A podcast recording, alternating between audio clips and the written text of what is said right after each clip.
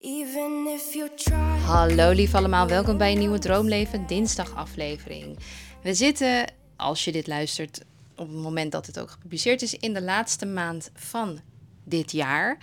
En dat betekent dat er natuurlijk overal om je heen dingen worden verteld over goede voornemens, voorbereiden op het nieuwe jaar en et cetera, et cetera. En eh, dat ga ik ook doen.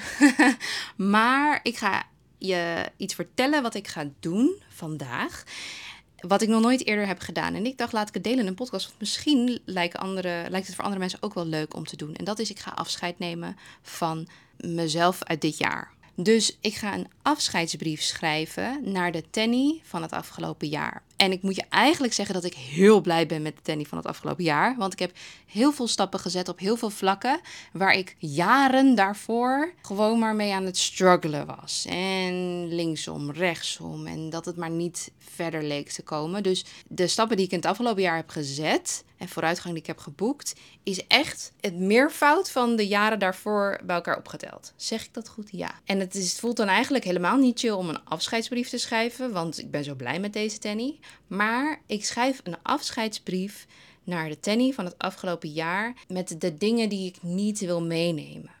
En terwijl ik die afscheidsbrief ook schrijf, maak ik duidelijk welke dingen ik wel wil meenemen. En dat is eigenlijk de Tenny die geboren is uit de dingen die achtergelaten hadden moeten worden. En er zijn natuurlijk nog wel wat dingen die ik nog steeds wil achterlaten. Want ik ben nog in ontwikkeling. Sowieso ben ik altijd in ontwikkeling. Ik wilde een symbolisch ding doen. Ik wilde een moment nemen om niet alleen maar met vision board en vooruit en dit is wat ik wil en deze plaatjes. Maar ook een stukje van hey, dit laat ik achter en het is goed geweest. En een van de redenen die in mijn hoofd oppopte toen ik van dit hoorde, van een afscheidsbrief, is omdat je een soort van symbolisch, misschien ook wel spiritueel, kent dat bepaalde gedragingen en gewoontes en gedachten en overtuigingen nodig waren om te overleven. Alleen dat ze nu niet meer nodig zijn voor de nieuwe versie. En wanneer je dat gaat erkennen in jezelf, of op papier zelfs helemaal, dan lijkt het alsof het de kracht verliest dat het jou wilde beschermen. En dat het de hele tijd de overhand wilde nemen om te zorgen dat je veilig zou zijn, dat je niet gewond zou raken, figuurlijk of letterlijk.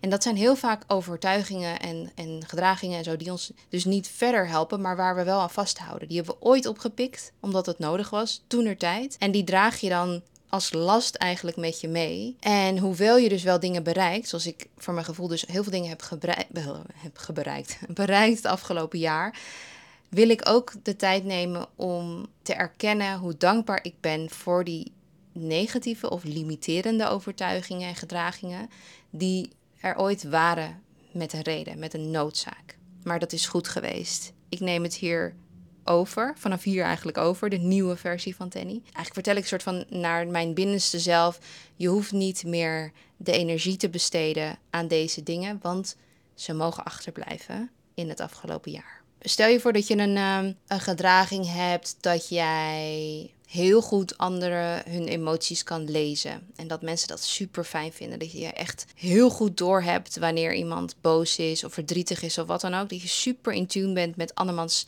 emoties. Dat kan je natuurlijk zien als iets positiefs. Jij weet ook dat dat energie kost. Want jij moet letterlijk je eigen energie gebruiken om in te tunen op een ander. En dat betekent dat je details moet zien, um, verschil moet proberen te voelen. Daarvoor moet je je energie gebruiken. En een grote kans dat je dat zo goed kan, is omdat jij misschien bent opgegroeid met één of twee ouders die onvoorspelbaar waren met hun gevoelens. En dus uitbarstingen konden hebben van boosheid of verdriet of whatever. En soms zelfs richting jou. Dus dat jij eigenlijk super goed werd in het leren hun emoties te lezen, zodat jij jezelf veilig kon stellen. Zodat jij niet la la la dansend in de kamer bezig was met je eigen ding, terwijl uh, je vader bijvoorbeeld een hele boze energie met zich meedroeg en dan ineens dat op jou uiten. Nee, jij hebt dus geleerd om goed te begrijpen of goed door te hebben wanneer iemand boos is, waardoor jij jezelf veilig kon stellen, uit de weg kon gaan, klein kon maken, niet te veel ruimte innemen, want de ander is boos, de ander is verdrietig, de ander is depressief. Nou, dat is dus een van de dingen. Het hoeft natuurlijk niet zo te zijn, maar dat kan dus wel voorkomen. En dat je dat dus in je volwassen leven nog steeds doet. En dat mensen zeggen, oh, wat kan jij me goed aanvoelen en zo. En dat je het ook misschien ziet als iets positiefs. Alleen die skill heb jij dan zo erg ontwikkeld uit een negatieve reden. En de vraag is, in hoeverre kost het jou op dit moment in het leven nog zoveel energie... dat het je energie wegneemt van andere dingen...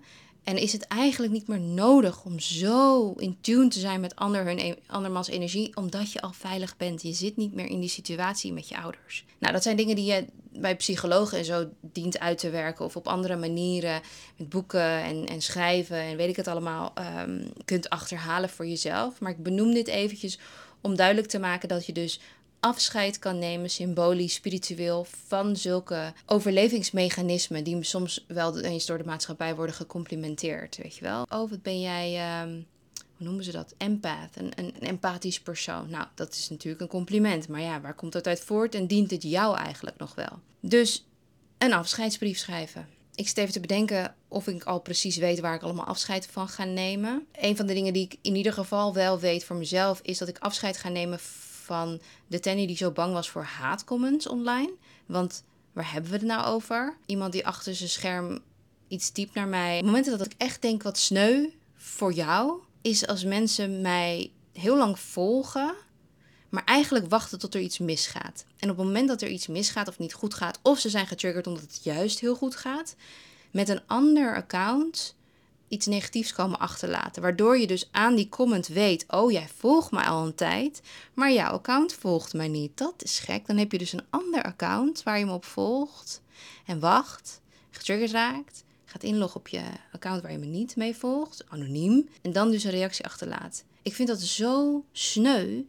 En dat vind ik het meest jammere, zeg maar. Maar andere soorten comments van, oh je bent echt dom of zo, denk ik, nou, het zal wel. Maar dit soort dingen denk ik, wauw, er zit zoveel, zoveel complexiteit achter. Dat ik, uh, ja, ik denk wel eens, ik had je, ik had, ik had je kunnen helpen met dit. met dat je zo projecteert. En ik kan echt helpen om je leven fijner te maken als je mijn content echt aanneemt. En, en daar iets van probeert te leren als je me toch al volgt. Maar goed, anyway, ik heb het dus een soort van omgedraaid het afgelopen niet het hele jaar, maar ik denk de afgelopen maanden. Als Tenny, dat wat jij wil bereiken, weet dat dit in meervoud voor gaat komen. En echt een soort van acceptatie, een soort van deal met mezelf. Oké, dit, dit is wat erbij komt kijken. I got this. En het is ook nog eens engagement op mijn post. Het creëert dus meer, uh, weet je wel, dat er, dat er over gesproken wordt als iemand een comment achterlaat. En ik verwijder het ook niet en ik laat het staan. Of ik zeg daar iets over van, hey, ik vond niet zo leuk dat je dat zegt. Of wat dan ook. Um, dat creëert natuurlijk interactie. En hoe meer interactie er onder een post is, hoe meer die post wordt gepusht. Of dat nou TikTok is of Instagram of op YouTube. Dus ergens is het dus iets heel, heel chill voor mijn content. Dus zo, heb ik, zo kijk ik er ineens naar. En dus ik laat een beetje die Tenny achter die de hele tijd dacht: oh nee, iedereen pleasen, dat kan niet, dat werkt niet, dat wil je ook helemaal niet. Dus op het moment dat er negativiteit komt, ten je bent goed op weg. Oftewel, je bent juist authentiek aan het zijn en dat beweegt wat in mensen. En dat kan of inspirerend zijn, of mensen die dat niet inspirerend vinden, kunnen getriggerd raken. Uh, er zijn ook mensen die het neutraal ervaren. Dan is natuurlijk ook niks aan de hand. Maar ik bedoel mensen die getriggerd raken, die uh, they lash out, zeg maar. Die snauwen naar jou toe. Dat zijn eigenlijk precies de mensen die baat zouden kunnen hebben bij de content. Maar goed, dat is aan hunzelf in hun eigen tijd. En dat ik dan de boksbal ben. Uh, dat, is, dat, is, dat heb ik in mijn hoofd omgedraaid naar acceptatie. Ik vroeg laatst zelfs nog in een TikTokje en een reel van... stuur me even wat haat, want uh, ik wil even groeien en ik heb dit even nodig om, om ermee te dealen. Uh, werkte natuurlijk niet, want iedereen was hartstikke lief. Was echt super, super, super lief. Overweldigend lief eigenlijk wat ik kreeg. Maar ik heb hier en daar daarna nog wel op andere uh, content nog wel wat haat gekregen. Wat ik heel leuk heb op, uh, soort van heb opgenomen, vond ik zelf. Dat ik verbaasd was van, oh, chill Tenny. Dat je op dit level bent, oftewel je bent er klaar voor.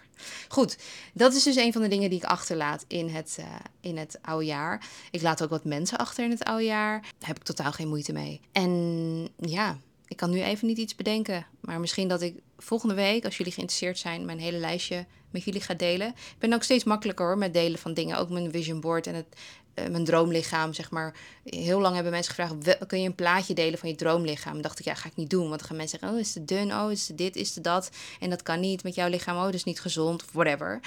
Um, terwijl ik op zich nog uh, de credentials van een diëtist heb. Dus weet hoe ik enigszins op een gezonde manier enigszins hartstikke op een gezonde manier ergens kan komen. En als ik er niet kom, dan, dan kan het dus blijkbaar niet op een gezonde manier. Maar zolang ik er nog niet ben en gezond ben, blijf ik proberen. En, dan, en ja, hoe dichterbij ik kom, hoe meer ik ervaar, dit is wel of niet te doen. Dus uh, ja, volg het met mij. ik ben benieuwd. Uh, maar daar heb ik dus nu ook geen moeite mee. Dat ik denk, nou, je mag het best zien. En ook um, dat ik geld wil verdienen en dat ik wil reizen en dat ik naar New York wil voor de, weet ik veel, zesde keer of zo.